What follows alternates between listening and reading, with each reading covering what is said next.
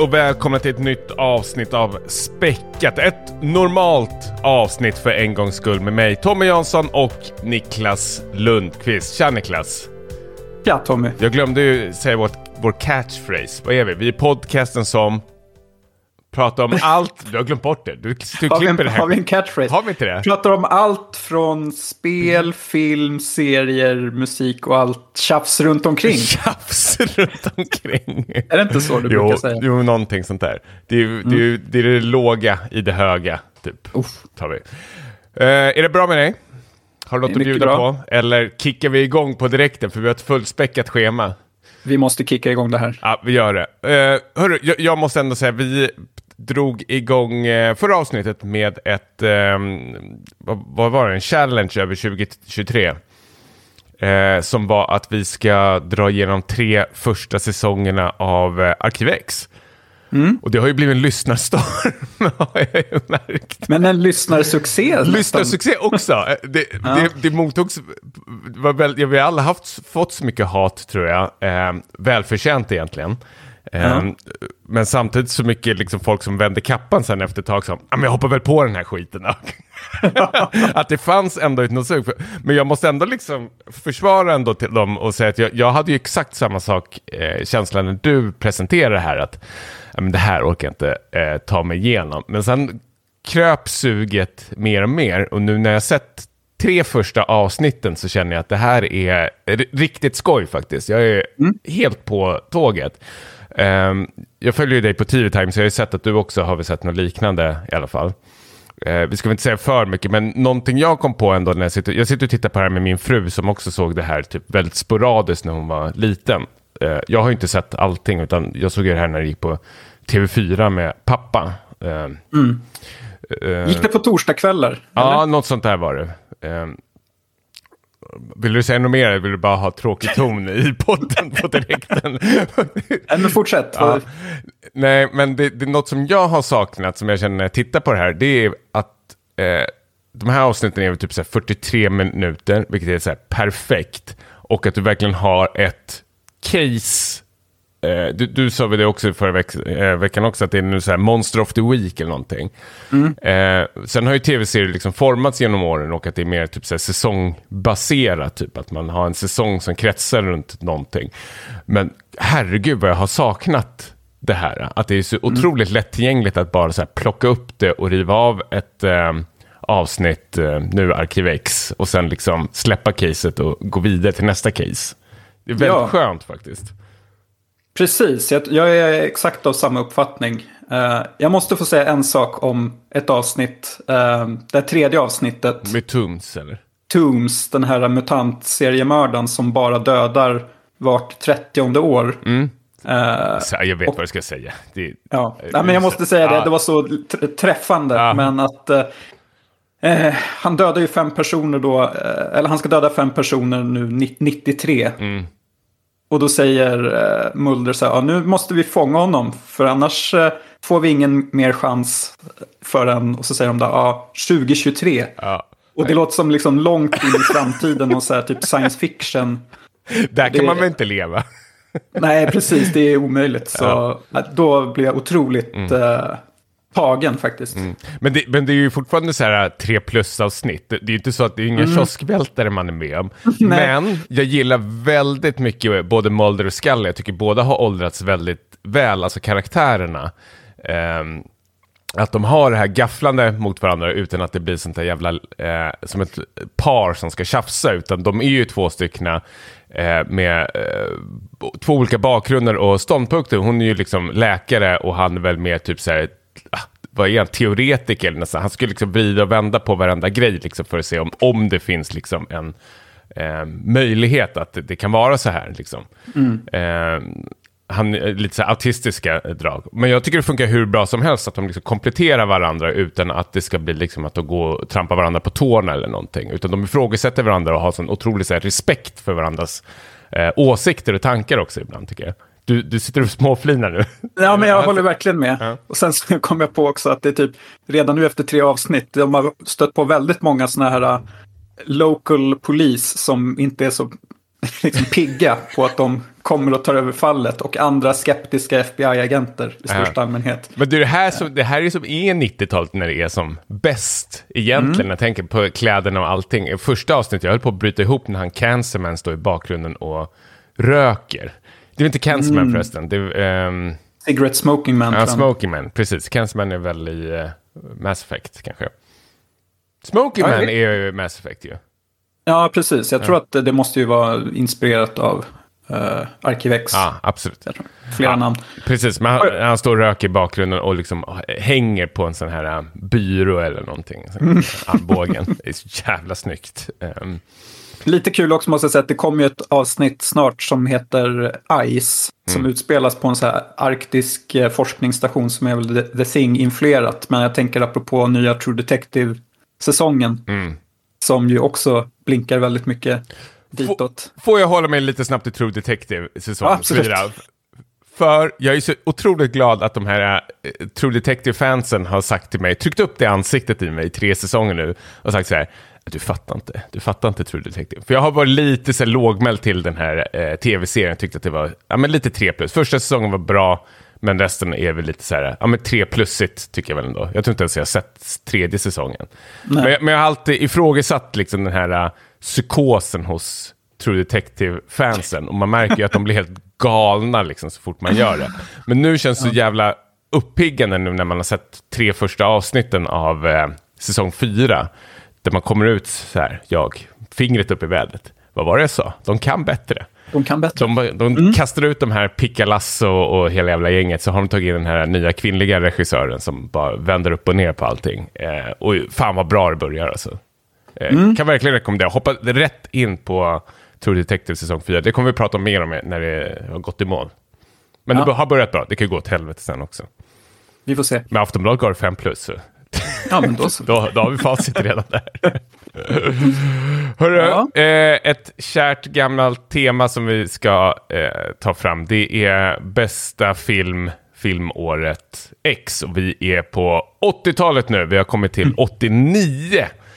Ehm, faktiskt. Ja. Ja, jag, har- jag har mycket, mycket att säga här. Jag måste försöka hålla mig kort. Får jag, får jag, Jag vet vad du kommer punkten? säga och jag måste krypa till korset med en sak. Men varsågod. Jaha, spännande. Ah, äh, men jag, jag, ja, Okej, kanske inte det. Ja, men säg då. Ja, men jag, det jag tänker är att eh, det är väldigt lätt här att bli så här, överdrivet nostalgisk och börja droppa så här, 80-talstitlar som eh, jag och kanske du också tyckte var otroligt starka när vi såg dem, men som inte håller idag. Och jag vill ju ändå att de här segmenten ska vara ganska mycket så här, tips eh, om filmer som folk kanske har missat också. Men jag tror inte. App, app, app, app, app, app. Ah, Okej, ja. Ja, jag kan ta två exempel Ja. från 1989. Eh, min gamla favorit John Candy släppte ju två filmer det här året. Mm. Uncle Buck och Who's Harry Crumb. Otroligt starka när det begav sig. Men håller de idag? Jag vet inte. Jag jag är liksom rädd att jag så här skämmer ut mig nu när jag sitter så här och pratar. Och så här, vad skulle till exempel så här Gotipodden säga om de såg Who's Harry Crumb Det är idag? kul att du håller Gotipodden högre, att du har högre respekt för dem än vad du har för din egen familj, typ nästan låter det som. Inklusive Ja, men jag är, mig. ja, de är ju unga, de har fingret på pulsen. Ehm, Ja, man får känna att man lever om man säger något fel där. Typ så här, spindel, om man sågar Spindelmannen, då blir du uthängd i tre avsnitt i rad. Släpper de inte. ja. Men Eh. vad, vad skulle du säga som du trodde att jag skulle... Nej, men jag tycker att du, äh, för jag har ju växt upp med dig äh, och jag vet att du hade ju typ ähm, ähm, affischer eller typ poster. Du, du var ju otroligt kär i äh, John Candy, äh, vilket jag förstår, han, han var ju helt äh, otrolig. Sen, jag glömmer aldrig bort när han gick bort eh, av en eh, hjärtinfarkt tror jag det var. Men jag kommer ihåg att du klippte ut den tidningsartikeln och satte upp den på väggen till och med. Eh, och hur gammal var du då egentligen? Du, du kunde inte vara liksom äldre än liksom 10 bast eller någonting. Det var Det väldigt... var liksom första närkontakten med döden man hade på något sätt. Ja, men och det, Eller var, den första kändisen som jag minns att jag blev berörd. och det eh, kommer jag ihåg att det gick- tog mig väldigt mycket att, att man såg dig blev så pass berörd att du började klippa ut massor med tid. Alltså det var ju som en psykopat nästan. Det var ju obehagligt. att, det var så här Jeffrey Dahmer började typ nästan. Ja. Uh, nej, men det var otroligt fint. Alltså det, det, och det säger väl rätt så mycket. Uh, alltså att han håll, uh, är så högt upp för mig också på grund av sådana liksom, minnen, bland annat, som jag tycker absolut inte du ska liksom eh, förstöra eller rasera. Så jag tycker du ska absolut liksom, så här, hålla honom, alltså se, se om skiten och liksom se de hyllningarna du hade mm. Men jag kommer såga skiten ur det. Bara så du vet det. Bakom Hela varje John hyllning. filmografi. Ja, bakom varje hyllning så står en Tommy med en motorsåg. Och ska ja, men jag tror att det är bra. Det, det Gråter du nu? ja, precis. Faktiskt. Ja, uh, inga bölande här. Det får du göra. Nej, jag skojar. Det får jag göra någon annanstans ja. i, i Shiny-podden. En sak till bara innan jag kommer in på min favorit. Ja. Att, uh, jag såg att du har ju också, som jag, en sån här skämslista för 2024. Alltså gamla filmer uh, som du ska se om då. Som du har mm. gjort på Letterboxd. Är det något vi kan dela med tror du? Ja, ja gå in och följ oss så, så ja. kan ni se listorna. Eller så lägger vi upp dem på Patreon. Ja. Man vet aldrig. Den, den, Men, den, behöver, den, kan vi bjuda på tycker jag. Ändå. Den kan vi bjuda på. Om någon är intresserad. Men jag har i alla fall... Jag har försökt utmana mig själv lite och mm. eh, tagit, på min skämslista har jag tagit med 10 80-talsfilmer som jag aldrig har sett. En för varje år. Mm. Som jag ska se nu inför vi kör våra årssammanfattningar. Smart. Eh, och det blir ju högt och lågt. Till exempel så såg jag nu Tango and Cash nu här. Ja. Eh, inför 1989. Och, och där nickade jag till rejält. För jag gick in och såg att jag hade sett, satt en etta på jag den. Såg det. Och det här måste ju varit när jag pluggade mediakonstnär mm. eller någonting, när de tittade över min axel och sa du, du kan väl inte sätta högre än två på Tango Cash va? Typ någon sån där, rikt, vi hade någon sån där riktig jävla pretto-snubbe från Småland som var så här, han spelade tio band baklänges eller någonting. Han, man var väldigt försiktig vad man sa. Eh, mm. och, eh, men det, det, här är ju ett betyg som jag måste revidera. det får jag ja. nästan göra här i realtid, för den är svinbra. Jag kommer ihåg jättemycket från den här äh, filmen när eh, Sylvester Stallone skjuter den här tanken i början och säger någonting i stil med så här, it's snowing eller någonting sånt där. Bara sådana saker. När det kommer knark ur den eller vad det Ja, just det. Jag, fattade, jag var så liten då så jag fattade inte vad det var. Typ, så här, kommer det socker ur den? Eller mjöl, vad är det för någonting? Typ. Det är bagare. Som bagare, typ. ja. ja, nej men den... Eh otroligt underhållande och tydligen väldigt problematisk inspelning där den här kreddiga ryska regissören eh, vill göra en väldigt seriös polisfilm och producenterna... Ja, han heter något i den stilen. Ja. Uh, han, men producenterna ville att det skulle vara typ en spoof buddy cop-film. Så att det Aha. var två stilar som krockade lite och så fick regissören sparken. och typ Stallone fick styra upp det tror jag. Mm. Uh, det är en bis bisarr film på många sätt men väldigt underhållande. Mm. Uh, skulle jag säga. Bra fängelsefilm. Verkligen. Ja. Riktigt uh, snygga sekvenser när de ska fly genom de här fläktarna om du minns det. Uh, ja, men precis. Jag kommer ihåg den här elchocken i, mot slutet när en slutboss de möter där. De ska strömma ihjäl. och så åker de med skärpen över sina elgrejer. Ja. Fan, ja, den hade många hisnande scener. Äh, men det, där fattar, alltså det, det, det, det här är ju intressant också, för jag har ju alla betyg samlade som jag har liksom importerat över från filmtipset. Så det är mycket så här, alltså jag vet, den här kommer inte jag ihåg, men så jag ser här nu, nu om vi håller kvar på 89, Flugan 2, en etta har jag satt på den. Eh, den Förlåt. är säkert dålig, ja, den är säkert dålig, men det är nog absolut ingen etta, så jag måste in och revidera mycket här känner jag. Um, faktiskt. Det tycker jag du ska göra. Ja, um, eller se om. Men det, det, det, här är ju rätt så kul också, för det här är ju en annan, om vi pratar om minnen också, det här är ju en annan Tommy också. Jag tror mycket av de här betygen som satt här var ju typ så här Lost in translation-tiden. Alltså så här, tänk dig 2006-2007 när man tänker så här, ja, men action kan man ju inte titta på. Nej. Um, då ska ju allt annat vara en etta bara för att man skulle visa hur pretto man var. Och jag var en sånt riktigt jävla as. Um, Faktiskt. Nu har det ju nästan svängt att man liksom är stolt över att sätta höga betyg på de här gamla filmerna. De här gamla liksom cheesy-filmerna. Ja, ta det lugnt nu när jag ska presentera min favoritfilm. Sitt, inte... ner, sitt ner i båten säger jag på direkten. Ja, annars, inte klart än. annars säger jag att hela dekalogen-trilogin kommer med Kistos Kislowski. Nej. Han släppte liksom åtta filmer det här året eh, i dekalogen som jag har satt fyra på hela bunten såklart. Jag har inte, ett, har inte ett minne från någon av dem. Jävla hycklare. Däremot James Camerons The Abyss får en trea av mig. ja, ja, ja, ja. Ska vi komma in, ska vi komma in på, mm. nu när vi ändå har nosat på det. Eh, för det var ju ett sånt här år där det kom många filmer av, i samma subgenre. Jag räknar till tre stycken filmer som utspelas liksom på havets botten som är typ så här skräck sci-fi filmer. Uh, Deep Star 6 och Leviathan är två så här B-filmer som jag håller väldigt uh, kärt. Mm -hmm. Men den bästa filmen är såklart James Camerons Abyss. från 1989.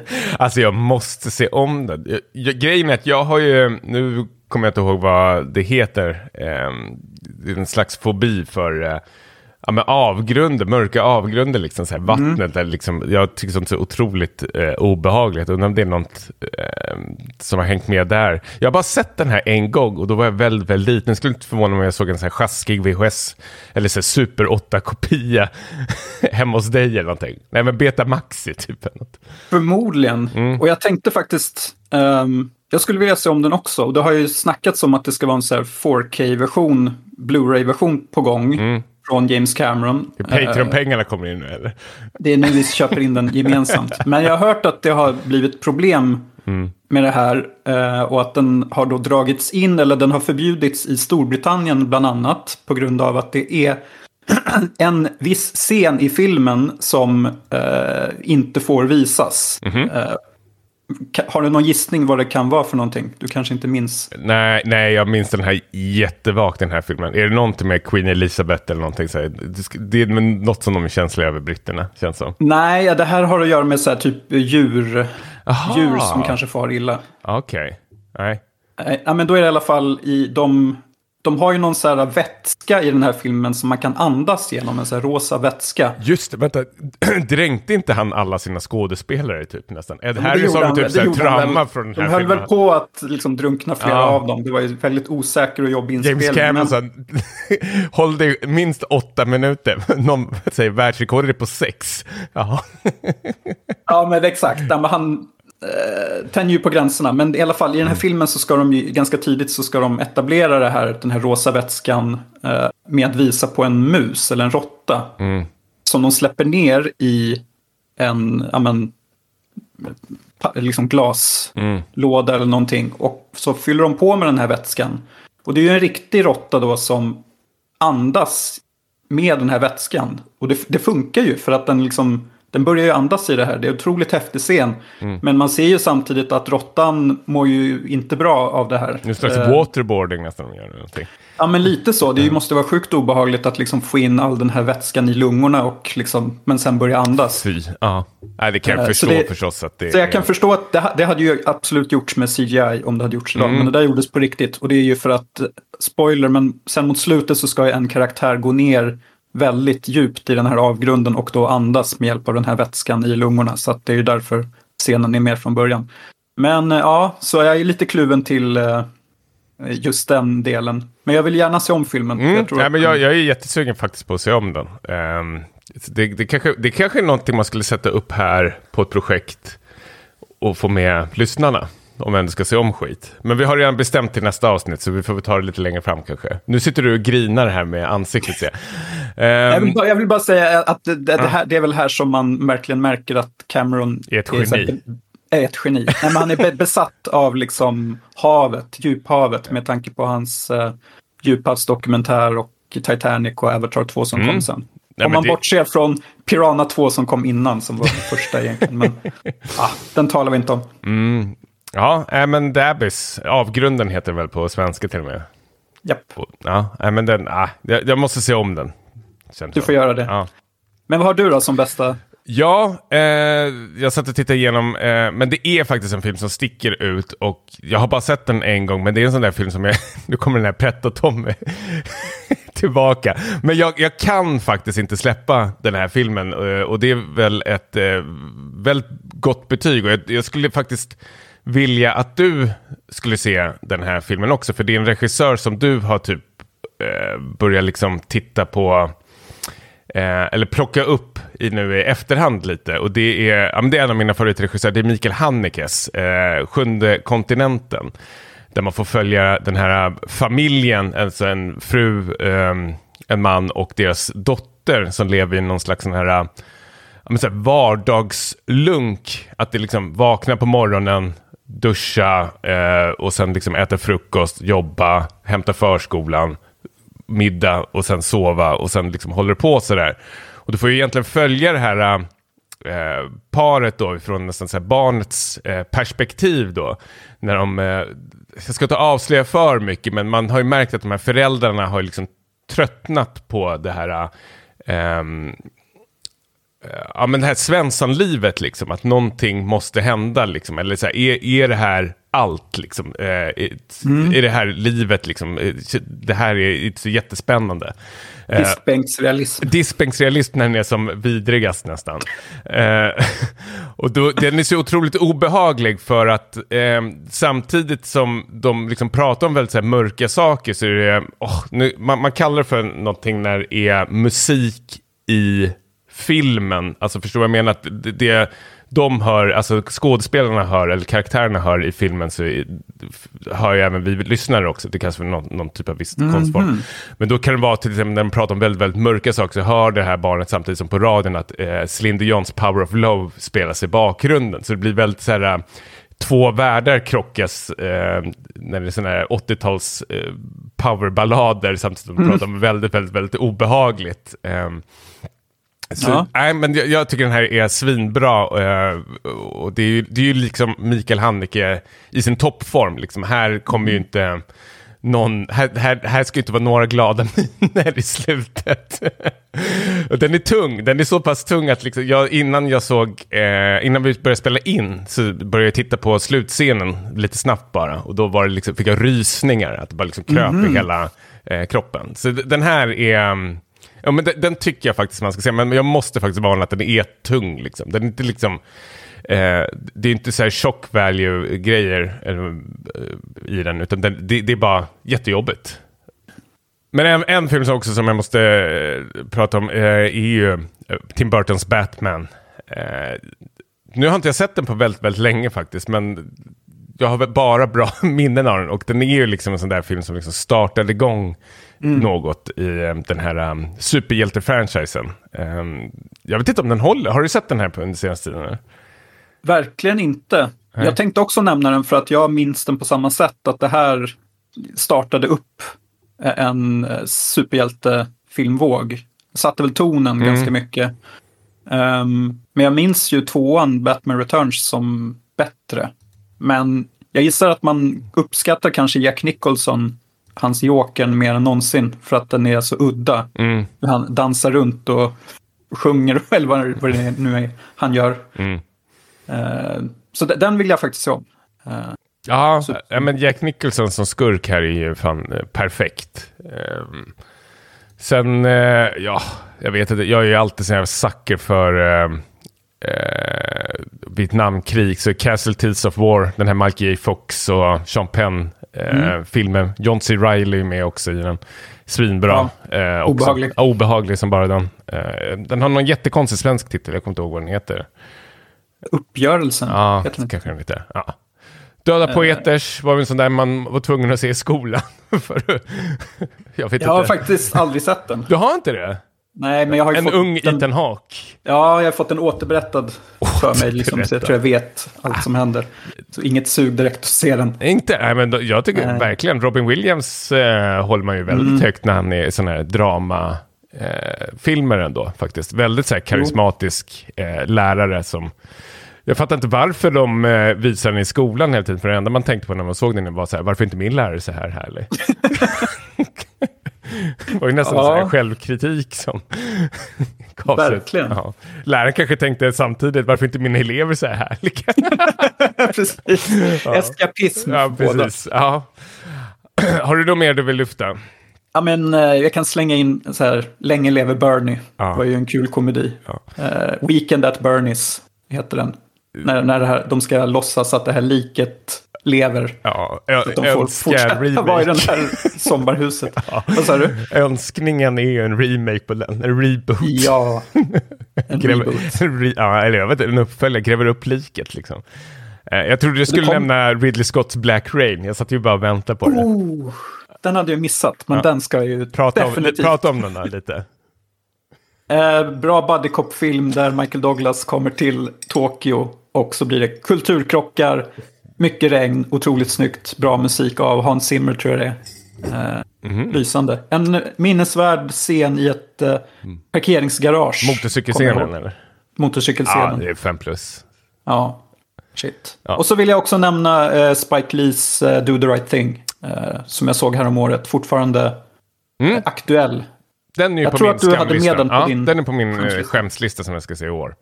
Mm. Ehm, kul! Ska vi röra oss vidare? Yes. Vi släpper 89. Ehm, vi, har, vi glömde en grej i förra avsnittet. Där vi skulle betta om eh, populärkulturen 2024. Ehm, och det är så att jag har tre stycken, alltså risky takes. Det ska inte vara några lätta jäklar här att eh, Switch 2 kommer ut eller någonting. Utan det, det ska sticka ut lite. Ehm, och vi har tio var. Eh, som vi har, eh, alltså tio påstående som kommer hända då 2024. Och så ska, får vi se mot slutet av året vem som har prickat eh, flest. Och förloraren måste spela ett spel som den andra väljer. Har du valt ett spel? Nej, jag glömde att jag skulle tänka på det. Vi ja. får ta det efter påståendena. Jag måste tänka lite till. Okej. Eh, Vill du att jag ska dra mina påståenden först?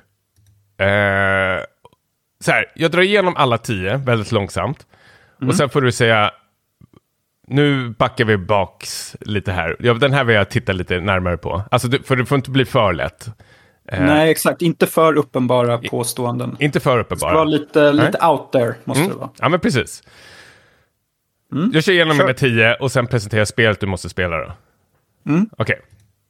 Så mina tio bets för 2024 i populärkulturen. Det är mycket spel här, väldigt lite film och musik. Eh, men det blir som nu. Eh, utan någon särskild ordning. Eh, först, Epic Game Store läggs ner. Ja.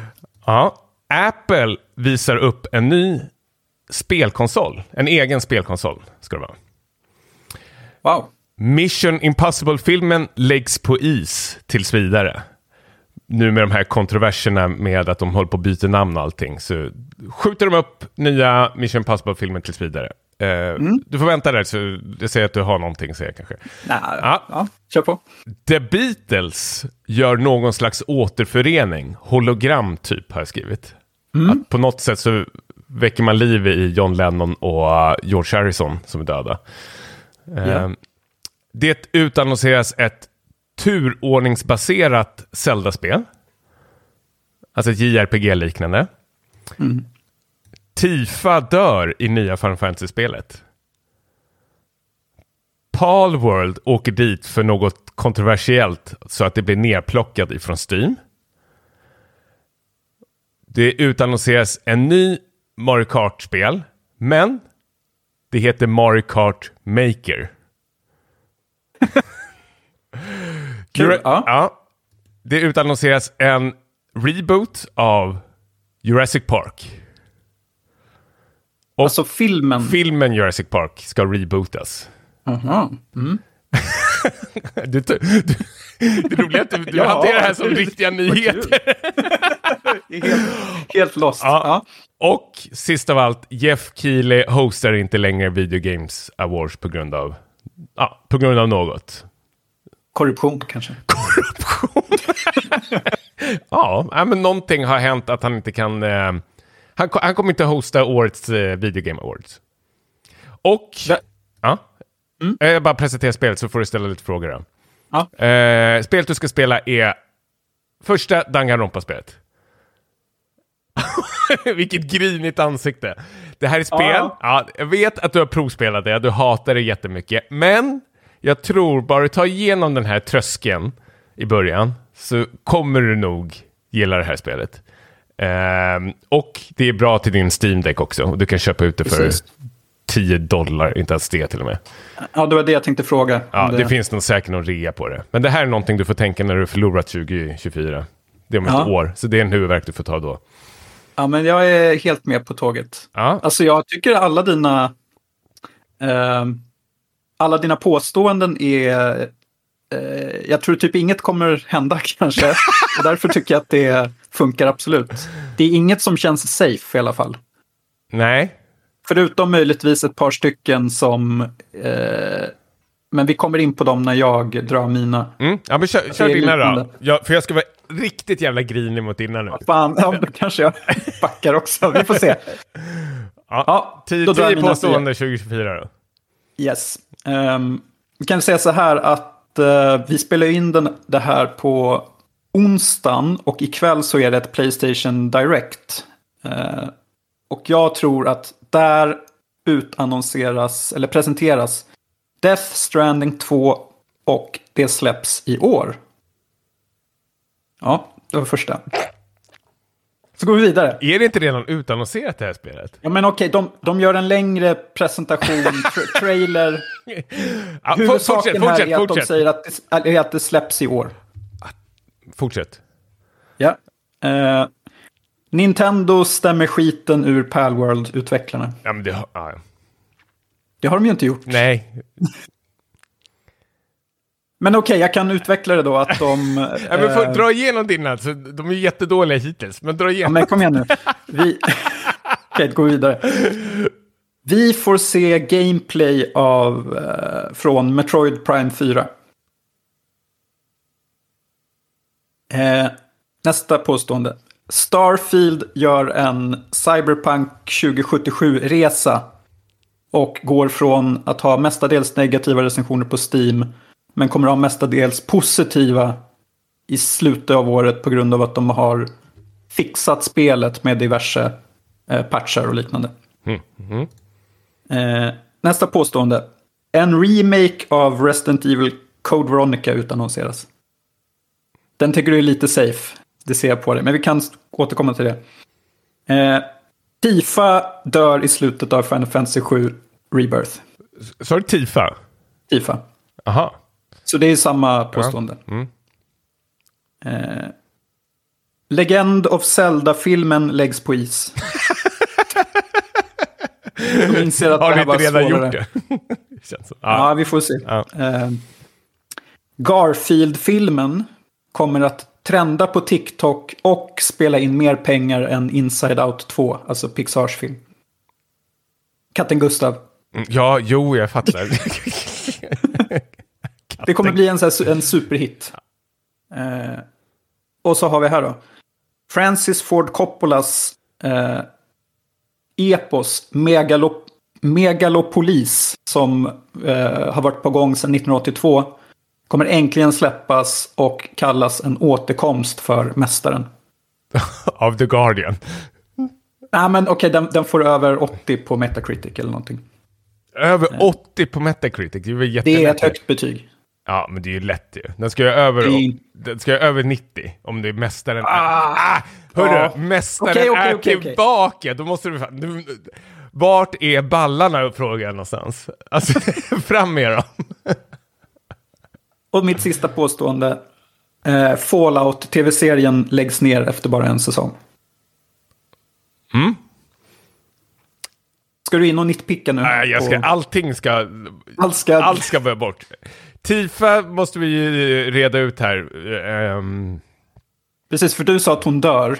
Eh, vad sa du då måste, att hon dör i slutet, men eh, Jaha. då, men- då måste ju det gälla sam, oavsett, tänker jag. Ja, ja men precis.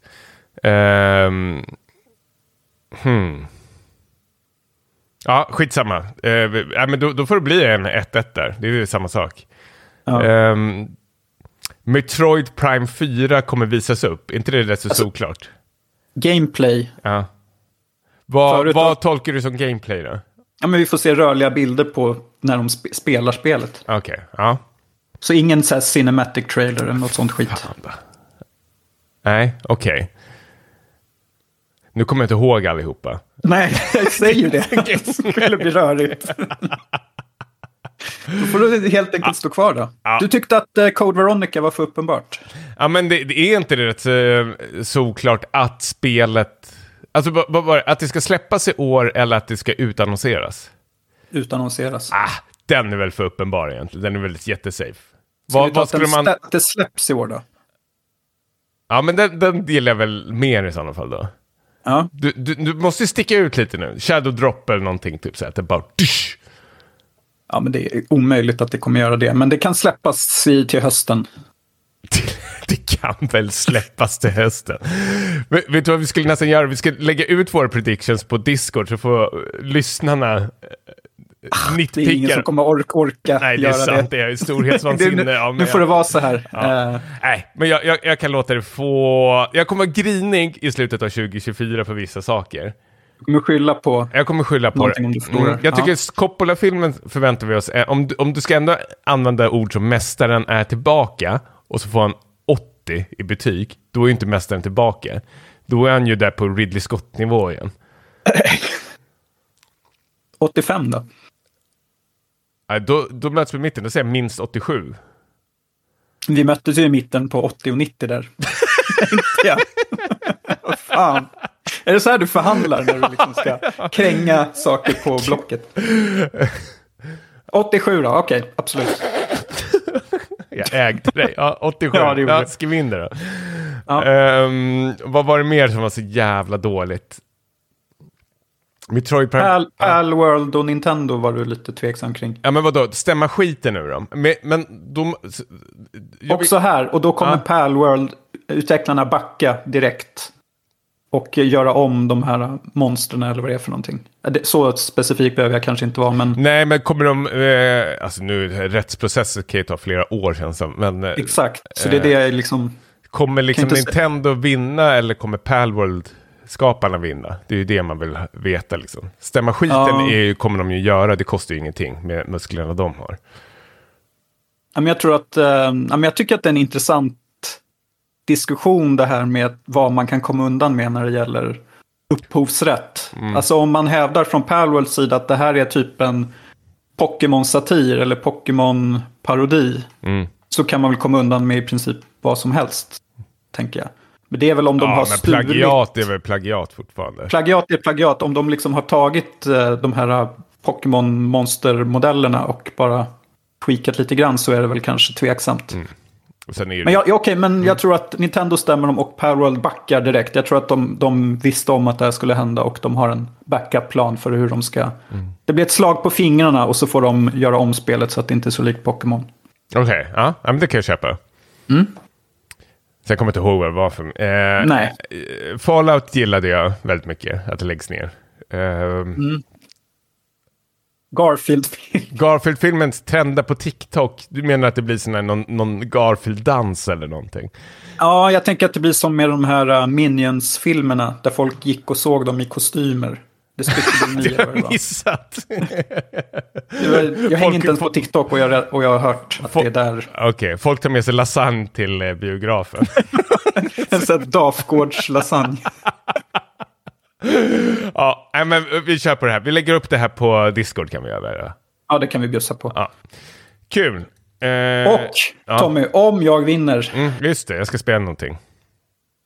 Eh, har du spelat Deus Ex någon gång? Det första, Originalet. första. Mm. Nej, jag har inte klarat det.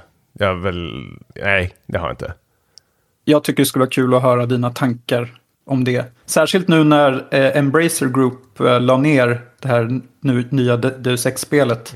Alltså menar du det original Deus Ex? Alltså original, originalet, alltså från 97, 98? Nej, 2001 tror jag är från. Men det är gammalt. Det borde väl gå att få tag i på något sätt. Ja, Game of the Year Edition ser jag här på Steam. 0,97 euro. Det kan du kanske hosta upp, tänker jag. Jag får eh, be om hjälp från lyssnarna. Ring en vän. Hörru, vi har spelat en jäkla massa spel. Um, ska vi spara lite på um, huvudnumret lite? Kan jag bara få hoppa in med ett spel som jag spelat nu under eh, dagarna som jag kommer säkert prata om ehm, eh, i kommande avsnitt. Det här är liksom fresh fresh. Eh, men, men det är liksom snabba intryck. Jag spelar det här Grand Blue Fantasy Relink. Har du koll på det här? Typ inte. är, är det ett JRPG? Det är ett JRPG där eh, till en början så har ju liksom så här Platinum Games varit inblandade och hjälpt till med, eh, ja, med kontrollen och sånt där, hur det ska spelas. Eh, och så är det Sci Games som har gjort det och det här är liksom en spelserie som är så här, superpopulär i Japan, öst, liksom så här, eh, och liksom så här. Men det här har varit något slags mardrömsprojekt, tror jag, jag tror det liksom så här utannonserades på så här Tokyo Game Show för typ så här piss länge sedan. Och sen har det blivit uppskjutet eh, hela tiden. Eh, jag tror först skulle det så här släppas 2017 eller 2019 eller någonting sånt där. Så du hör ju själv liksom att de har liksom, det är fem år senare som det äntligen släpps. Eh, och grejen med det här är att det, det är och ser ut som ett typiskt JRPG. Alla är jättesöta, 17 bast, har långt hår och så är det någon slags här pastellfärgat, cellshadat eh, värld du lever i. Men själva twisten, twisten, men själva liksom uspen i det här som jag fastnade för när jag provade demot och nu eh, sitter med hela spelet, är väl att det är ett eh, online-spel som har jämförts väldigt mycket med eh, Monster Hunter. Mm. Och eh, det vill säga att man ta sig an små, små quests. Det kan vara allt ifrån typ en hård av fiender med tre andra spelare, antagligen med dina kompisar eller okända spelare. Um, eller så kan det vara någon slags eh, en jätteboss och sen när man dräper den så släpps det, droppas det loot och man uppgraderar sin gubbe och eh, sen fortsätter man vidare. Men grejen är, här kommer det sjukaste med det här spelet. För att låsa upp allt det här så måste du spela single player. Alltså ett, um, en main story. Och det kan du bara göra i single player. Och det tar typ, jag vet inte, jag är inte klar än, men jag har ju typ 5-6 timmar in. Eh, och det är så jävla dåligt och tradigt. Alltså det, det är typiskt så här, japanskt JRPG-story eh, som är, jag vet inte, jag klickar bara bort storyn. Och det här gör mig så jäkla förbannad eh, när jag sitter och spelar det här spelet. För jag sitter och spelar det här samtidigt med en kompis um, och vi vill ju egentligen bara låsa upp det här multiplayer och alla de här questsen som finns. Men spelet liksom tvingar en att ta sig igenom de här solo-grejerna som är så jävla tråkigt. Eh, och massor med världar och massor med typ karaktärer man ska gå runt och prata med och bara bocka av hela tiden för att bli av med det. Eh, och jag har kollat liksom även Reddit och folk har ju liksom sagt detsamma. Att, kollat Reddit som det är en källa. Men liksom vad andra har tyckt eh, när de har spelat det här. Och det är ju samma sak där, alla sitter ju bara så här, trycker bort eh, alltså, filmsekvenserna. Vilket jag -huh. förstår, jag har försökt titta på dem och det är liksom outhärdligt japanskt dåligt. Eh, grejen är också, något som var väldigt kul var att jag kollade trofélistan eh, när jag startade igång det här spelet på releasedagen. Så var det väl typ att, eh, stod väl typ 5% av alla som har spelat det här spelet har eh, klart main storyn. Och sen när jag öppnade spelet nästa dag och kollade troflistan så var det uppe i 17 procent. Mm. Eh, så det säger väl rätt så mycket att folk har liksom bara liksom, ja, men, hamrat sig igenom. Mm. Så det är verkligen röv. Alltså att de har eh, den här main storyn som man måste liksom så här, trycka mm. sig igenom. Dock, när man väl spelar multiplayer med eh, polare eller med så här, randoms eh, som vi har gjort så skiner det här spelet rejält. För du har de här otroligt stora, häftiga bossarna eh, och det är inte bara att man ska liksom stå och hamra och slå på dem, utan de har även mechanics. Alltså att här kommer bossen göra en attack, du måste flytta på din gubbe eh, och stå här. Och alla gubbar har liksom olika förmågor. Och det här känner jag att verkligen Platinum Games har varit inne och pillat. För du har nästan så 16 karaktärer. Och de få karaktärerna jag har hoppat runt bland mellan, jag har provat fem stycken, känns verkligen eh, superunika för sig. Att du liksom, alla har sina egna liksom, förmågor. Vissa är range, vissa är magiker, vissa är eh, close combat. Eh, men jag tycker även liksom, så här, att de sticker ut på steg liksom, spelstil och man kan liksom där i eh, skräddarsy dem hur de ska spelas med liksom, abilities och sånt man släpper in. Eller sätter i. Finns det ett annat djup här än vad det gjorde i Final Fantasy 16s eh, stridssystem och sådär enligt dig. Det är väl mycket, här händer ju lite mer saker att, för du har även en ultimätare som går upp, eh, som heter typ, jag kommer inte ihåg vad den heter, Link eller någonting. Det är kanske är därför, eh, därav namnet Grand Fantasy Relink. Men när mm. den går upp, då ska du ju synka den med andra karaktärer. Och om alla gör den samtidigt så gör du liksom starkare Mm. attacker. Eh, och där är det rätt så tufft att du har, de lyckas även eh, när man spelar multiplayer, alltså utan, och utan att spela liksom med Eh, ma- man behöver inte ha någon voice chat, sitta och prata med dem. Men att spelet indikerar att nu är den här spelaren liksom redo att poppa sin ulti.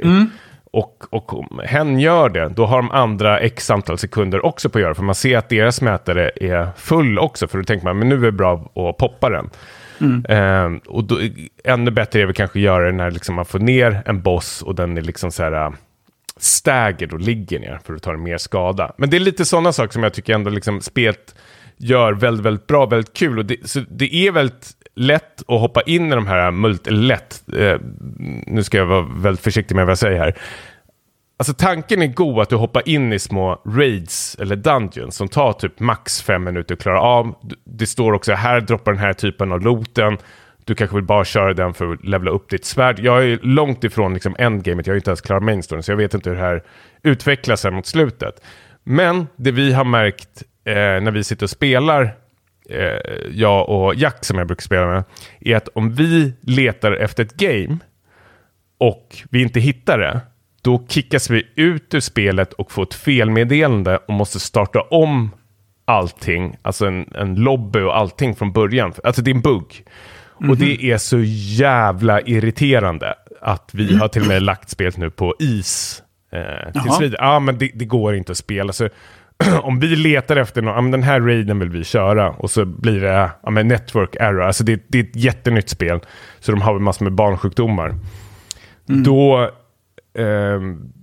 ja, men då, då, och den inte hittar eller om det blir något eh, fel, eh, då kickas vi bara ut och sen liksom måste jag kicka ut Jack ur min grupp och sen måste han hoppa in. Ah, det är svinjobbigt. Det är liksom så här, ah.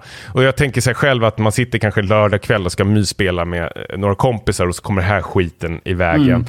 Eh, så absolut inte. Jag hade väntat med att... Eh, alltså om ni, om ni är fyra kompisar Absolut, prova på det här. Eh, men vänta gärna tills de har fixat de här uh, multiplayer buggarna. Jag tror det kan vara kul faktiskt själv också om man tycker det är kul att köra med randoms. Men det här spelet verkligen liksom sticker ut med multiplayer-delen om vi bortser från de här buggarna. Eh, single player är bara piss, det ska liksom bara göras för att det ska bli klart. Liksom. Eh, så här, ett, ett helt, hittills ett helt okej spel. Jag hade hoppats på mer.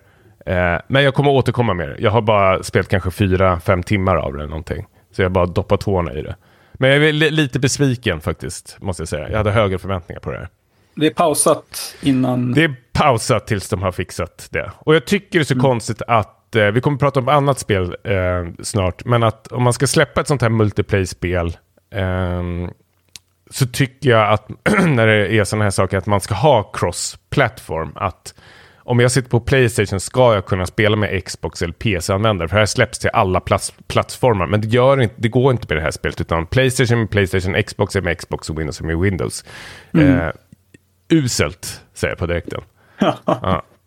Det håller jag med. Och det för oss... Eh, ska, vi, ska vi prata om Tekken 8 snabbt? För det har du spelat, då kan, jag, kom, kan du komma in lite. Jag kommer in här. Ja. Eh, en kär gammal spelserie för oss båda egentligen. Mm. Jag minns att uh, Tecken 2 var ju ett otroligt eh, stort steg för den här genren, upplevde jag det som, för att det var första spelet jag körde på Playstation. Eh, innan dess hade man egentligen bara kört Street Fighter och Mortal Kombat, men Tekken var någonting annat. Eh, helt banbrytande grafik förstås. Eh, bra balanserat. Tekken 3 spelade jag också. Eh, Kommer ihåg att jag inte riktigt gillade lika mycket för att då började de för må många sådana här skämtkaraktärer dyka upp. Eh, som gjorde att det blev obalanserat. Och jag kommer ihåg att en av mina kompisar, jag vet inte om det var någon du kände också, för du berättade något liknande. Han bara spelade med Eddie Gordo hela tiden och bara hamrade på knapparna så att han gjorde den här capo capoeira-dansen Ja. eller vad det var. Det var typ omöjligt att Du var skjuta sig. ju superrasistisk mot alla brasilianare. Ja, det var verkligen... De ska äga mig i fotboll och i tecken. Ja, Stereotyperna flödar ju i, i de här spelen. Ja, Eh, sen, absolut. Herregud. sen spelade jag Tek- Tekken Tag Tournament och sen har det faktiskt inte blivit något Mm. sen, ja nu då, när åttan kommer. Så det är helt sjukt. Hur, hur, hur mycket har du Har du också tappat den här serien? Ja, absolut. Alltså jag har ju, jag har ju hållit den här beaten up-serien högre än uh, Street Fighter. Uh, jag tycker Street Fighter kanske har mer nostalgisk uh, musik. Mm. Och, och, bättre musik. Tecken har väldigt, väldigt bra musik också förstås. Men jag har som, det här, nu är det här med minnen återigen. Men när vi har suttit hemma hos dig och man ska liksom låsa upp alla de här karaktärssluten var ju så här otroligt tillfredsställande. För att på den tiden var när, när Playstation började med sådana här mellansekvenser. Jag kommer ihåg att det var en sån happening när man var liten. Så här. Eh, och nu är det en mellansekvens, eller filmsekvens vad man nu kallar det för. Det var, det var samma sak när man spelade Final Fantasy 7, att man liksom mm. gåshud. Att, eh, ja. nu, nu, nu, nu drar det igång. Det är så jävla snyggt det här alltså. Och då var det ju liksom sån här... Um, filmsekvenser. Jag kommer ihåg Jack 2 och sånt som man var så här, man kunde se om flera gånger. Nina Williams var ju också så här, när det var så här snusk.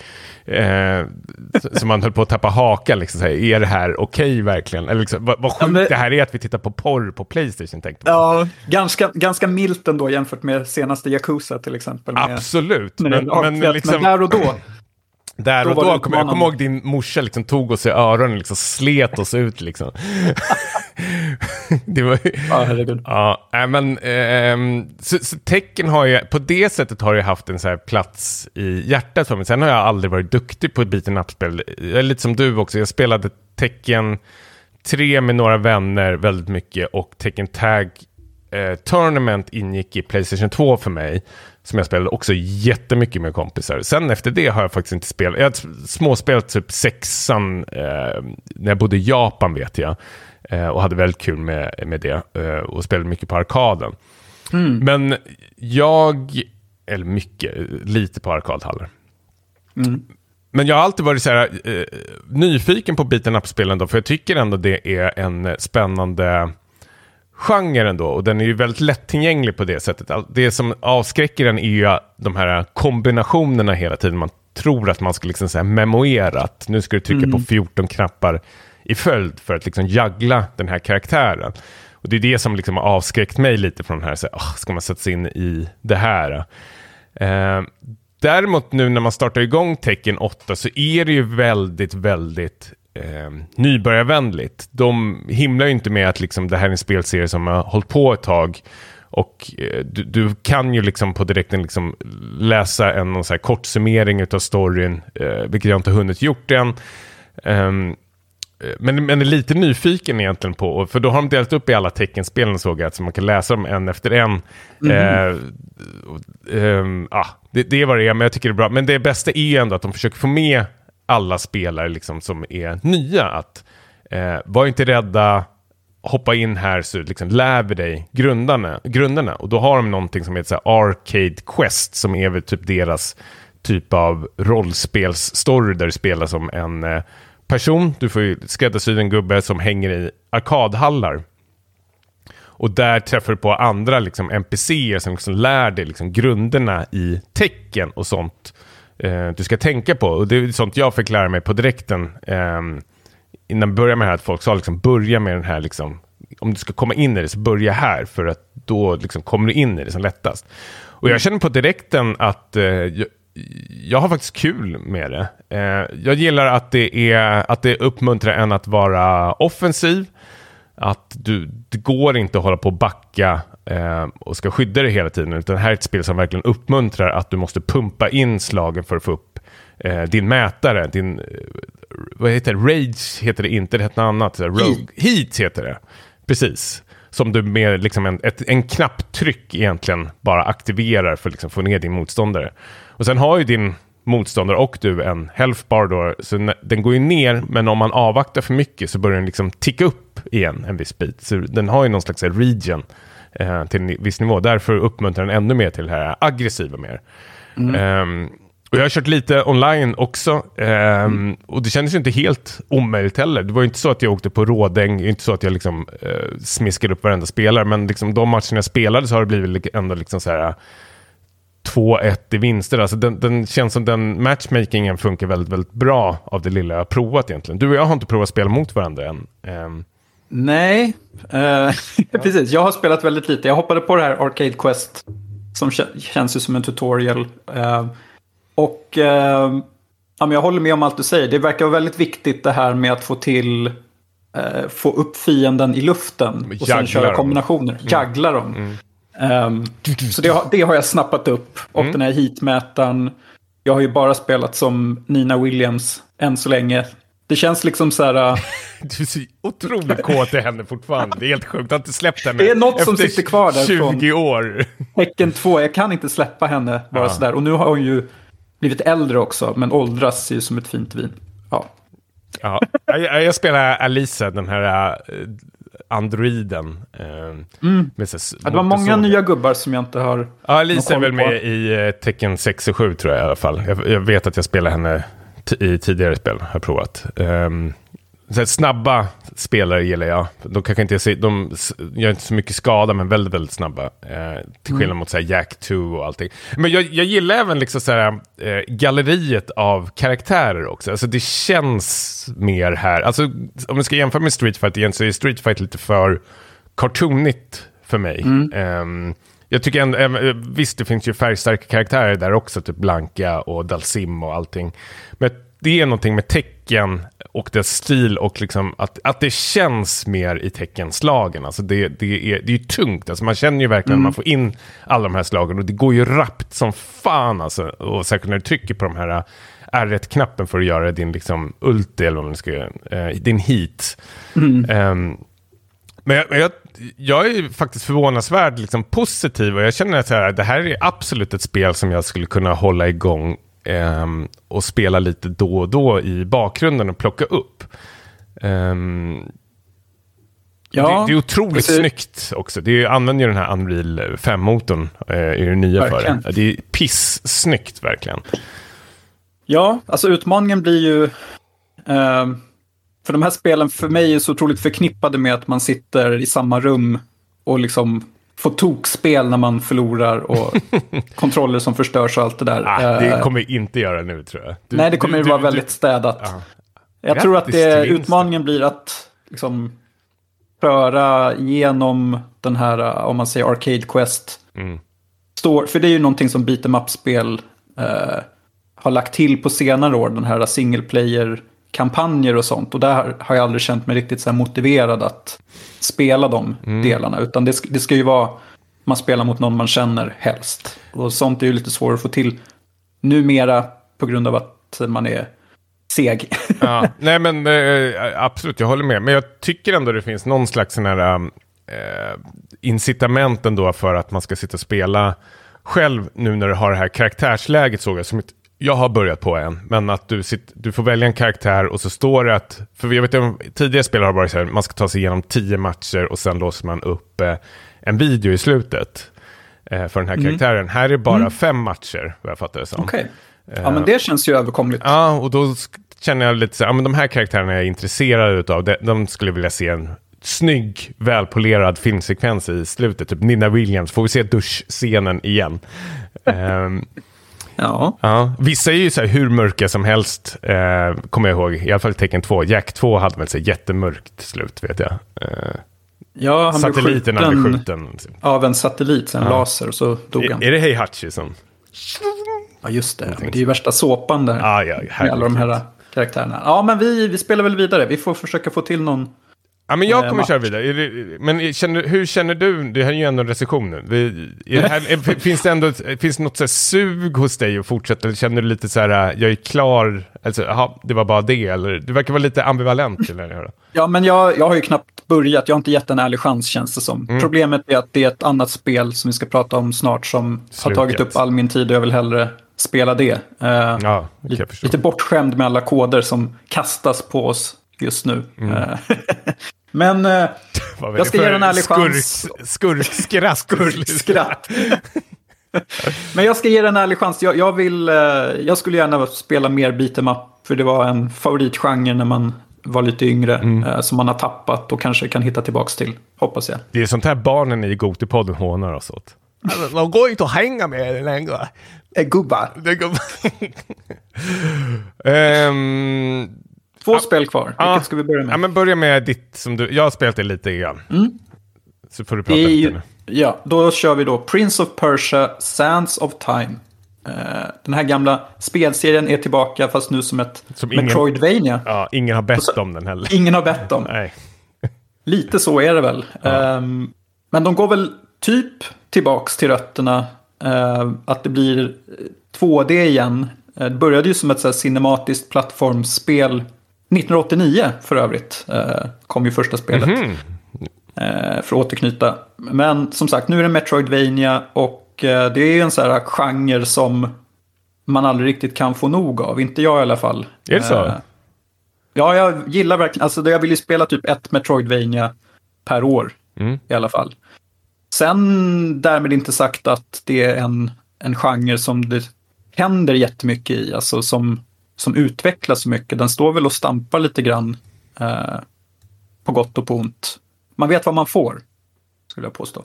Men här i alla fall så, du spelar ju som den här Sargon, protagonisten som kommer till eh, ett ställe där tiden verkar eh, inte bete sig som vanligt. Han hittar olika så här, alternativa versioner av sig själv som har varit på det här stället förut som nu slåss mot honom. Eh, du ska rädda en prins, eh, du har dina kompisar med dig, jada jada jada. Det är inte jätteviktigt kanske vad premissen här är. Mm. Får jag säga, jag trycker bort nästan allting. Jag tittade på allt i början, Ja. sen började det tryckas Ja, men bort. jag, jag, gav, jag gav den en chans eh, och jag känner att om spelet inte har mig första liksom tio minuterna, skip. Mm. Alltså var, varför ska jag ens lägga ner tid? Um, fan, vad, fan vad spelskapare är så jävla dåliga på att skriva stories alltså. Alltså, det, ah, usch. Ja, nej, jag håller med. Ja. Ja, det, Nej, det var inte... nej. fångat mig Ja, du, trycker riktigt. bort, du trycker bort sekvenserna alltså. Ja, jag försöker läsa lite vad de säger och sen så trycker bort. De tar så lång tid på sig tycker jag att leverera replikerna så jag blir rastlös. Fan. Och det är ju inte bara det här spelet, utan det är typ alla nästan. Ah, skitsamma, sorry. Ja. Nej, men eh, som ett Metroidvania så tycker jag absolut att det här är eh, uppfyller mina förväntningar. Jag tycker inte att de når upp till till exempel Ori-spelen som jag tycker har varit de liksom bästa i genren på senare år. Mm. De har inte Eh, jag spelat.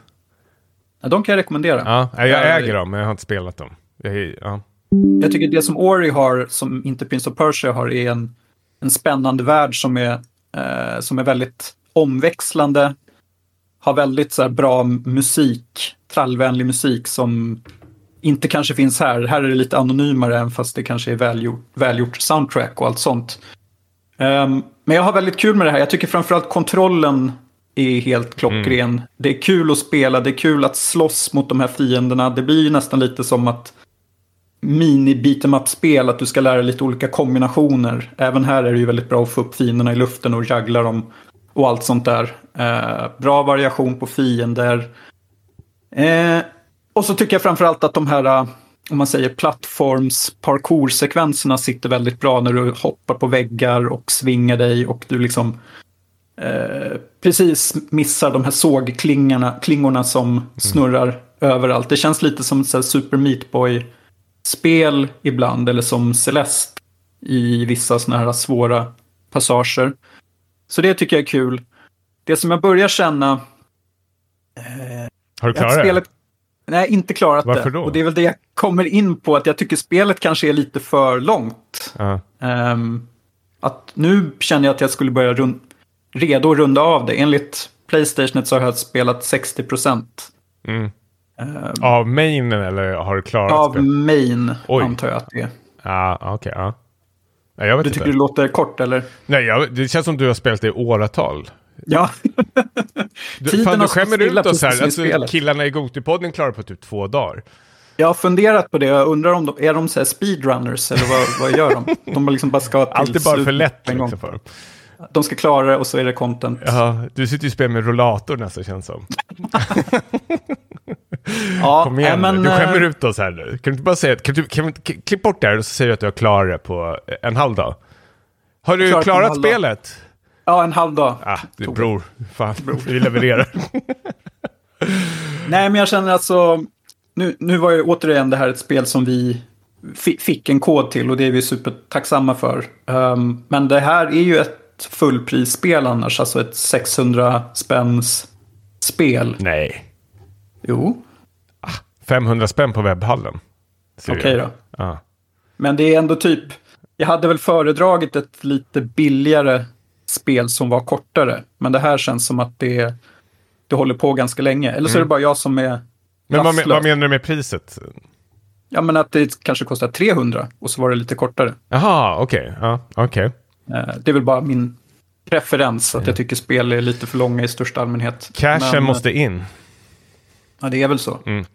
Jag tycker att det, det finns ju otroliga höjdpunkter i det här. Framförallt bossarna tycker jag är otroligt roliga. Men det går lite för lång tid mellan mm. de ögonblicken för att jag ska vara helt frälst av detta. Men det är ett väldigt bra spel, väldigt bra Metroidvania som jag kommer ju definitivt klara det. Ja. Det är ingen snack om. Jag har ju bara spelat första två timmarna kanske eller någonting.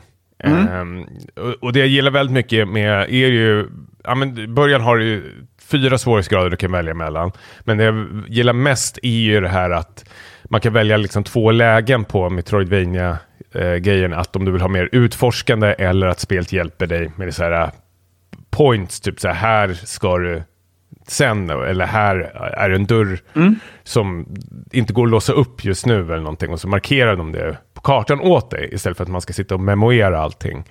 Ja. Eh, och det tycker jag är jättegeneröst av dem att båda de alternativen finns. Och sen är ju kontrollen också känns i stort sett eh, felfri. Jag är fortfarande lite så här att den, att den sitter på de här triggerserna under de här blockknappen, dodge-grejen. Jag vill flytta upp dem. Mm. Eh, men det är väl något man kanske kommer in i senare, eller någonting du har tänkt på? Jag har inte haft några Nej. problem faktiskt. Jag tycker det är väldigt skönt att sätta de här uh, blockarna. Ja, men det är det. Det är med att jag vill ha en trigger på Alltså man känner ja, att det är en ja. avtryckning på knappen istället för att det är den här uh, toggeln eller vad det kallas för. Liksom. Mm.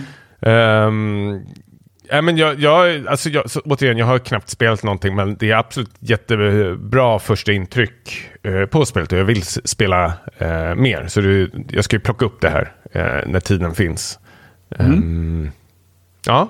ja. Tiden jag... har inte funnits för Prince of... Nej, Sense of Time. Sense of Time. Sense of Time.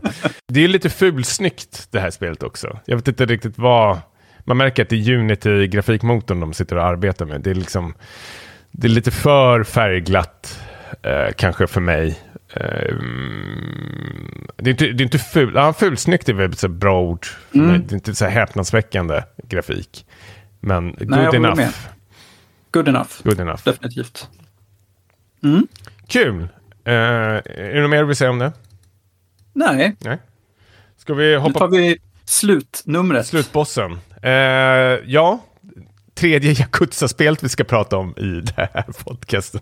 På, inom typ ramen på typ sex månader. År? Känns. Ja. Sex, ja. ja, jag vet inte. De, de, de har um, trasslat till det rejält med den här spelserien känner jag faktiskt. Uh, det kan inte vara lätt att vara utomstående och hoppa in i det här. Men uh, det går ju inte missat att det här nya stora riktiga Yakuza-spelet, Like a Dragon Infinite Wealth, har ju släppt. Eh, där de fortsätter med den här, istället för att eh, ha det här JRPG, eller beaten up-grejen eh, så har de flyttat nu över till ett JRPG. Eh, och eh, de har fokuserat med på en ny hjälte som de börjar med i sjunde spelet, eh, Ichiban då, eh, för att mest liksom, introducera Um, Ja, men, eller för att få in liksom, så här, nyinkomna spelare. Eh, man ska kunna skita i sex tidigare spelen och kunna hoppa in i sjunde spelet. Eh, men om man, hopp, om man inte har hoppat, om man inte har spelat sjunde spelet och hoppat in i det här, då har man nog en uppförsbacke. Kan jag verkligen eh, säga. Jag har spelat igenom det här, eh, jag har klarat det. Eh, oh. Tog väl 70 eh, timmar tror jag nästan, 60-70 timmar. Uh, jag är helt slut. Jag har typ gått in i väggen efter det här. Alltså det har varit så här otroligt intensiva två veckor. Jag har suttit och spelat det här på här nätter och när familjen har legat och sovit och gått upp lite tidigare på morgonen när familjen mm. legat och sovit. Um, så, Men har du, fråga, mm. frågars, har du gjort alla de här sidogrejerna som det har snackats så mycket om? Um, nej. Ja, de här minispelen, eller har du bara kört main story i princip? Jaha, nej, nej, både och. Jag, jag har gjort lite det jag har um, känt för egentligen. Mm. Så här, uh, vi ska väl inte hålla oss jättemycket till storyn tänker jag. Vi skiter i det. Det finns Nej, inte så mycket jag, att berätta. Jag fattar om. inget ändå. Nej, alltså det, det, det, är en, det, är en, alltså det är en såpa. Eh, spelet tar vidare där sjunde spelet slutar. Så om du inte har spelat sjunde spelet och, men är sugen på det här. Alltså jag hade nästan rekommenderat att hoppa in på sjunde spelet om du verkligen vill hoppa in på det här. Se en recap-video, det måste finnas på YouTube någonstans, absolut. Så kan du hoppa in på det. Uh, men det är väl för att liksom bara måla upp det vad det är för någonting. Skulle man väl säga att det är väl eh, Japans motsvarighet till så här GTA och sin egen liksom take på JRPG. Den här genren är ju har ju gått lite på dekis senaste åren och man har ju liksom gjort eh, diverse försök för att liksom återuppliva den. Alltifrån eh, Sea of Stars har vi nu senast. Eh, Final Fantasy 16, South Park har även gjort en take på eh, JRPG-genren. Men jag måste ändå säga att eh, Like a Dragon Infinite Wealth uh, är ju den bästa typen av JRPG som finns just nu. För att du har alla de här eh, uh, otroligt roliga jobbklasserna du kan välja emellan. Alltså precis som, jag tror bara Final Fantasy 5? Ja, jag tror till och med Final Fantasy 2 uh, var det som började det med. Ja, där du kunde ja. välja sig White Mage. Men här har du liksom bytt det att det är liksom så här riktiga alldagliga jobb som typ hostess, chef, Um, ja, men det kan vara martial arts eh, eller någonting sånt där. Och de här jobben kan man liksom hoppa friskt mellan de här karaktärerna. Um, spelet tar verkligen tid på sig att kicka igång. Alltså det, om, om du känner att du har ont med tid eller någonting eller är väldigt så känslig med tid så då, då, är det här nog spelet inte för dig. För här är ju, alltså det jag gillar ändå med eh, Like a Dragon eller, och Yakuza-serien är att det är en det påminner väldigt mycket om så gamla Kojima-spelen i det här cinematiska. Att nu är det en filmsekvens och den kan nog hålla på i 25 minuter.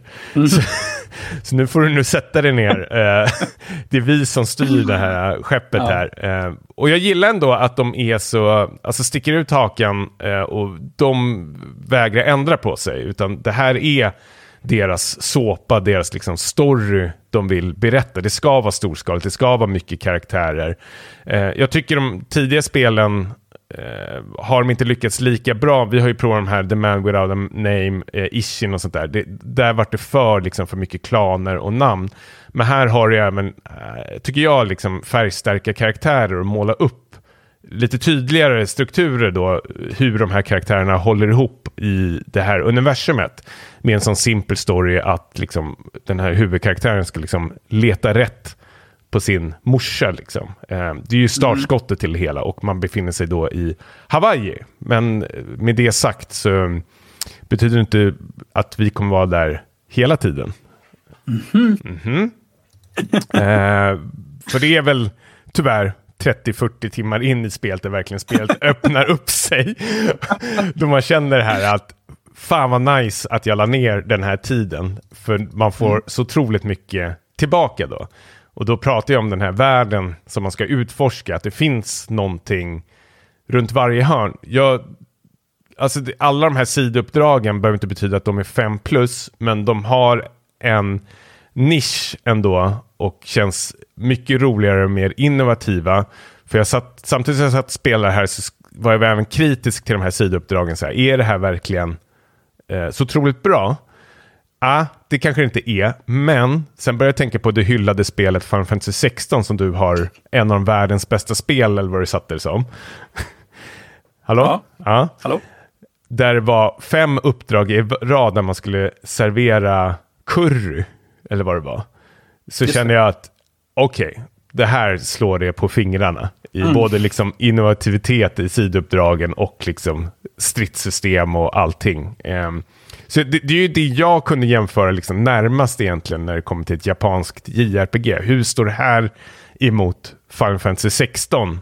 Um, ehm, och dess storhet som det hade. Liksom. Då tycker jag mm. Yakuza har du, du får mer value för pengarna. Här finns det saker att göra. Det finns roligare saker i den här världen att utforska och hitta på.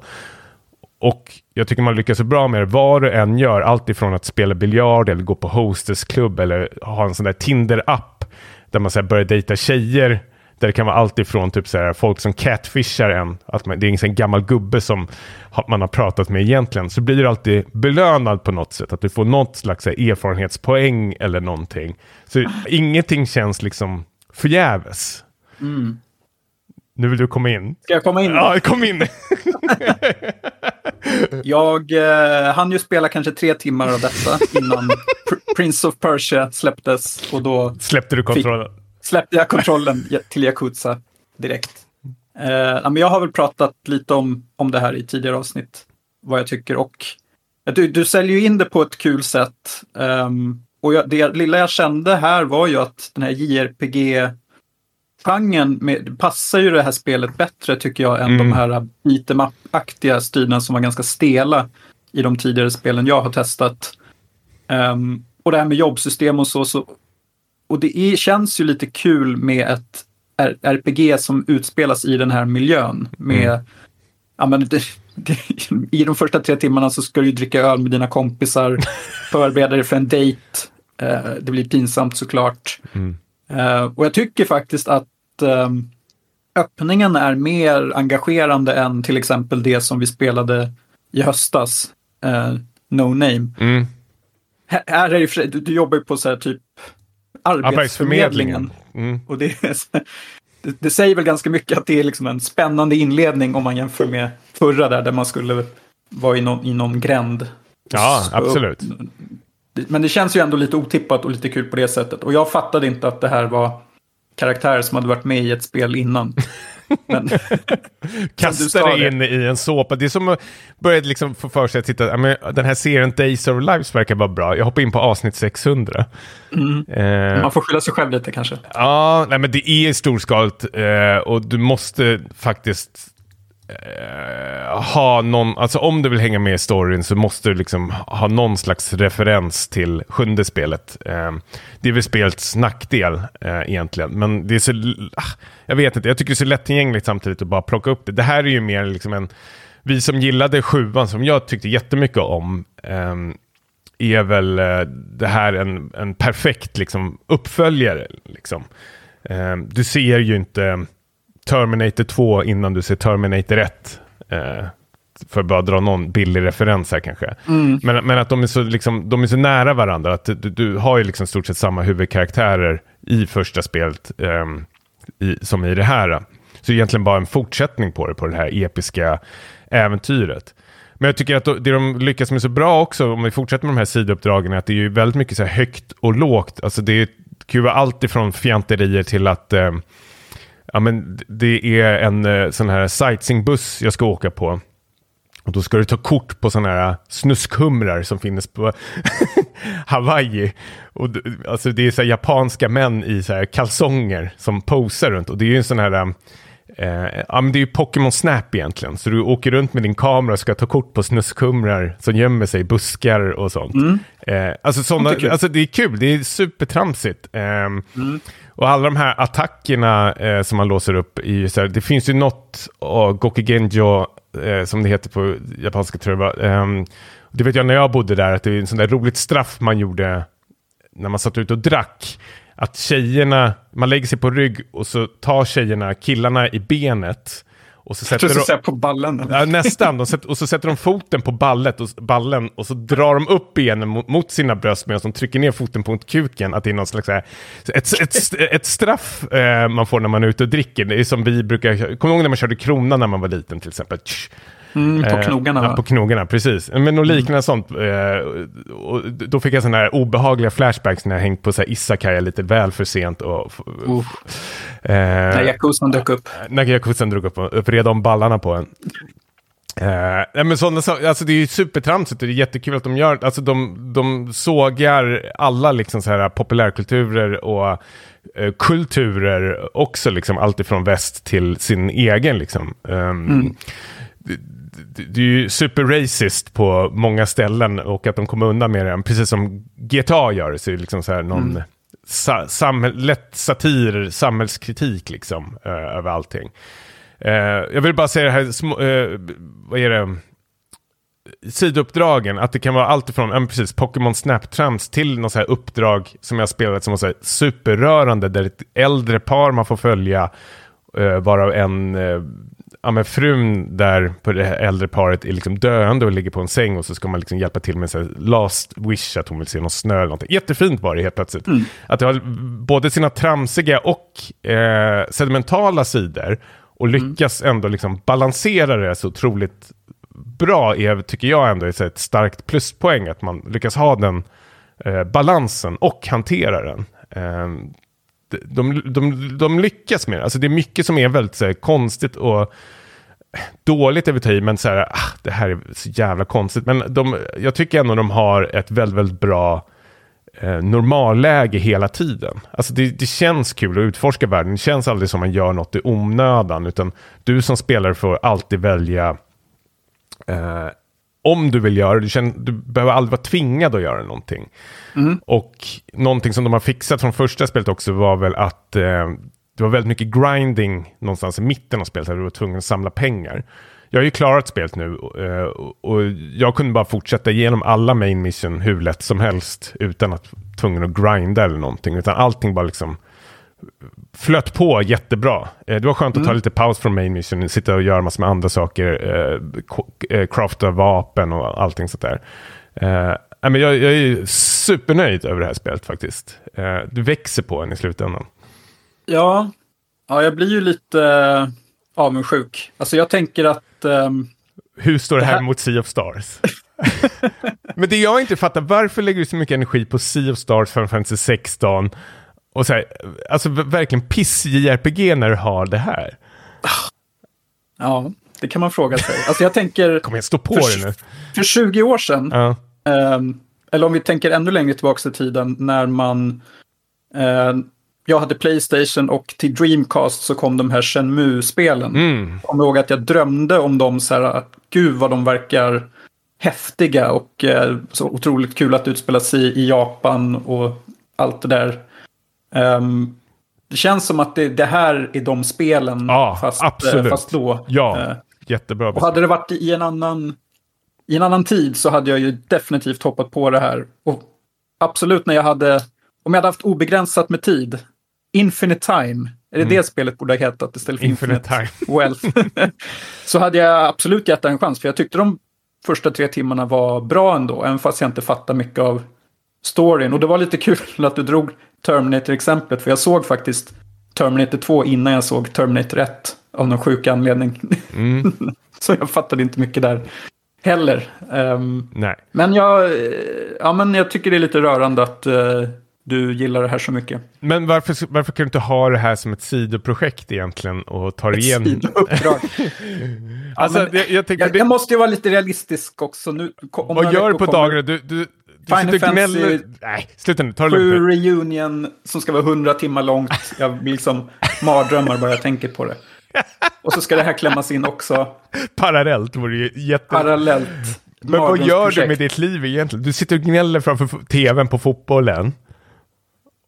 Och sen då? Fotboll. Och sen gnäller du på pakistanierna som kommer maten för sent. Eh, Nej. Foodora och grejer. Ja, det blir ingen dricks här.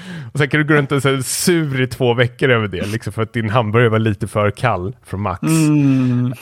På tal om det så finns det sådana sidouppdrag här i Yakuza där du får jobba som foodora grej att du ska leverera hamburgare och pizza och sånt där. Svinkul, du cyklar runt i Hawaii. Och så har du typ, det är, ja, alltså det är crazy taxi är det.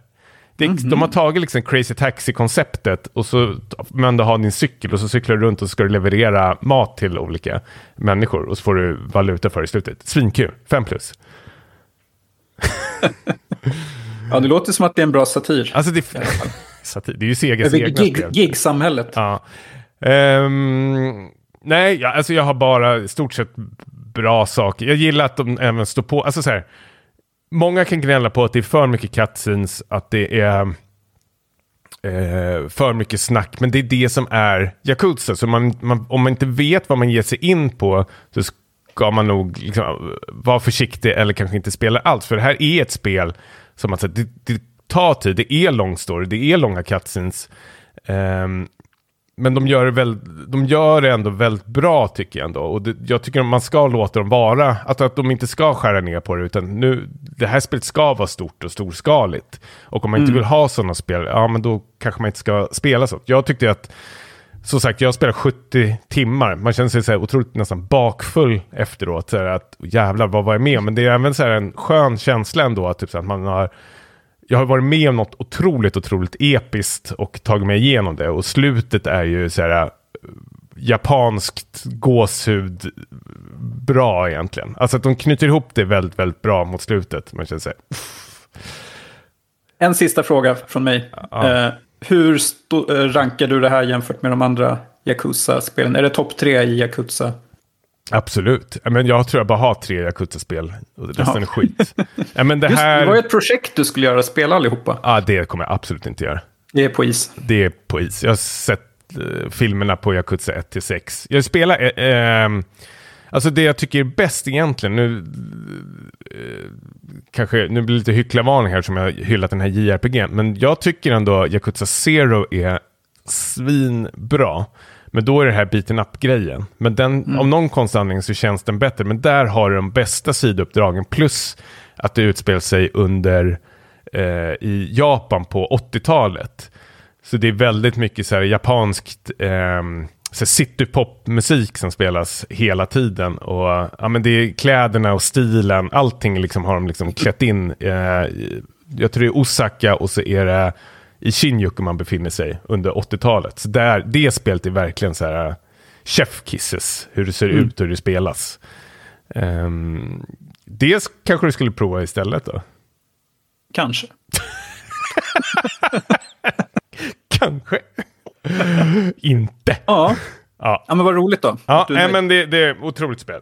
Ehm, Vilket start på spelåret 2024. Ja, men Galet. jag känner samtidigt så här, du börjar prata om det här nya Final Fantasy-spelet. Jag är inte ett dugg sugen på ett så här storskaligt plus 70 timmars spel igen. Det är det alltså. som jag visste. Ja, men... Det var därför ingen idé att börja med det här Yakuza för min del. Jag måste ju känna mig själv att jag måste vila nu i flera veckor innan jag ja, men du vilar ju fan, du vilar ju fan hela tiden. Hur mycket ska du Nej. vila egentligen? Det är full rulle här hemma ska du, ska du veta. Det var ju det, byta, byta kattsand i kattlådan. Full rulle. Skälla på foodora bud Ja, just det. Nej. Skriva dåliga recensioner på hjälp. Precis. Ehm, häftigt. Ska vi, eh, filmklubben ska vi kicka igång igen. Ja, Eh, och det är du faktiskt som har valt film till den här, så du får jättegärna presentera den. yes. Till nästa avsnitt ska vi se, heter den Society of the Snow? Ja, Finns på Netflix. Ehm, är ju en nyinspelning kan man väl säga på eh, Alive. Alive som kom på 90-talet om det här rugbylaget som kraschar i Anderna och sen börjar eh, äta på varandra för att eh, maten, maten har tagit slut. Det finns en rolig Simpsons-scen där de gör en parodi på det här. När de säger, Är det f- när de åker i den där båt eller? nej, de, de tittar på, ser den på tv och så hör man att någon säger så här. Mm, taste good. Så här, "Pa- Pass me another of that co-pilot. Eller någonting. Smaklöst. Så den ska vi se i alla fall. Eh, den är lång såg jag men Oj. har fått väldigt bra recensioner. Eh, Det är ju en sån där film vi har missat till 2023.